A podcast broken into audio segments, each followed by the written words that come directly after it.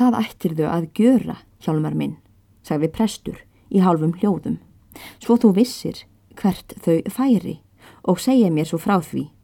Og þá nýppaði prestur í hann og myndu mig um það. Þú þart ekki annað en hosta þreysvar fyrir framann hústyrinnar. En nú held ég þér sé best að fara að mala, svo þú getur orðið búin í kvöld með ætlunarverkið. Já, en hvað verður þá úttalað um skopnapottin? Ég vil ekki eiga í þessu lengur. Því annað hvort á ég hann með réttu eða ekki og þá getur það regerað og rassakastast með hann eins og það vill. En ég vildi mælast til að þér skærust í að það erði betri regla á þessu hér eftir. Jæja, það verður talað um það við ráðskonuna hjálmar minn. En farði nú að mala og myndu eftir því sem ég sagði þér. Við þessi orð gekk prestur út, en Hjálmar lappaði að kvörninni og sest niður við hanna og segir við sjálfan sig. Já, nú kemur til hún stríta. Um það mynd sem þeir Hjálmar og prestur áttu talið í stofunni kemur Finnur Bjarnason fram. Verður honum litið inn í stofuna um leið og hann gengur fyrir og sér Hjálmar stendur þar tvístigandi fyrir framann borðið. Hann langar til að forvetnast um hvað þeir tali og læðist að dyrunum og leynist við krókeitn baka til við hurðina og hlerar eftir viðræðu þeirra og heyrir hann þá hvað umræðu efnið er og það með að prestur vilji veiða nokkuð upp úr hjálmari um þau þórarinn og sírúnu. Dettur honum það þá í hug að gaman myndi það vera ef hann gæti leikið á prest og hugsaður nú um það á allar lundir, hvernig hann megi því framkoma. Og er hann sér að prestur og hjálmar ætlaði ganga úr stofunni, víkur hann sér fram í andirið og urðu þeir ekki varir við hann en dimt var.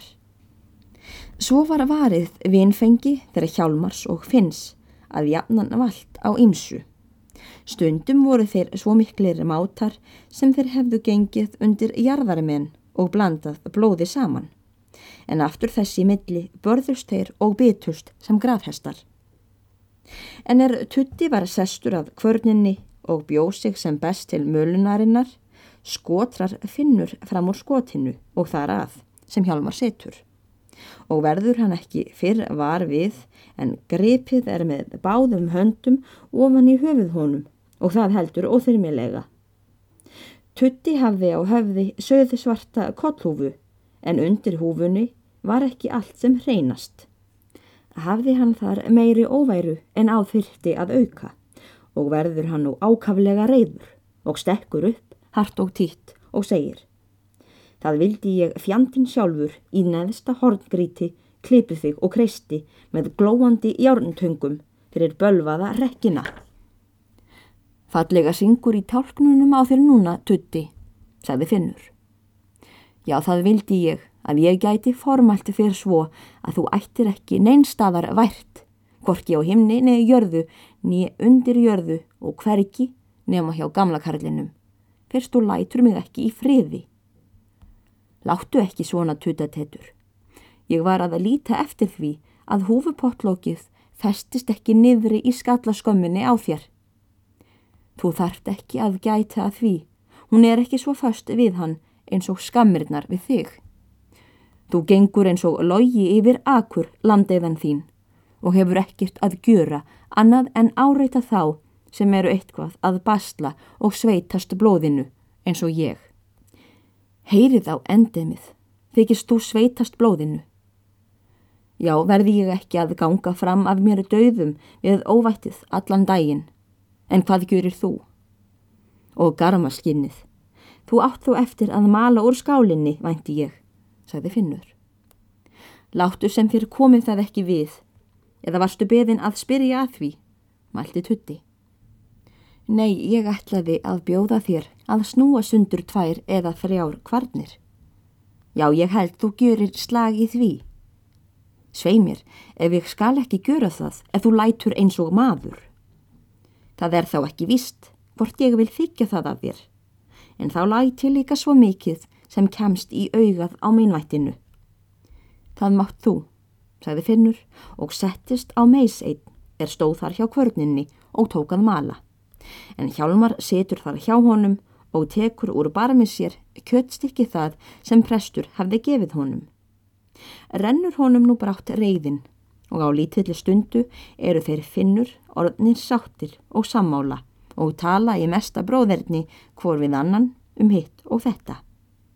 Og loks snýr finnur ræðunni í þá átt að hann spyr hvar tutti hafi fengið kjötstykkið hinn mikla og hvað það hafi verið sem prestur hafi verið að tala við hann þar í stofunni er hjálmar var þar hjá honum.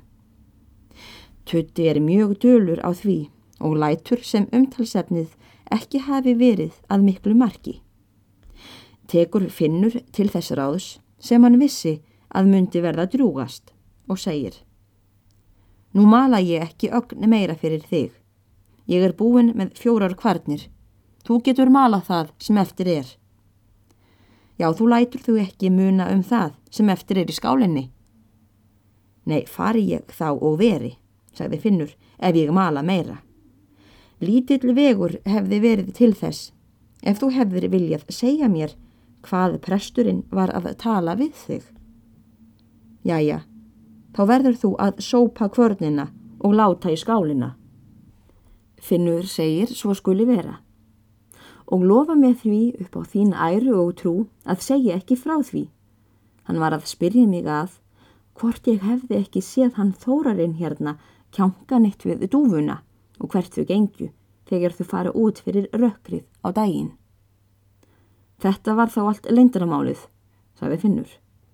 Já, en þú mátt nú ekki svíkja mig um það sem þú lofaði mér, að mala úr skálinni og sópa. Finnur let sem hann hefði ekki unnið svo mikið til ef hann hefði vitað hver ómerkilegt mál þetta var. En aftur þótti hjálmari sem töluð orð yrðu ei aftur tekin. Kýttu þeir nokkuð um þetta, en svo fór að Finnur að malaði úr skálinni.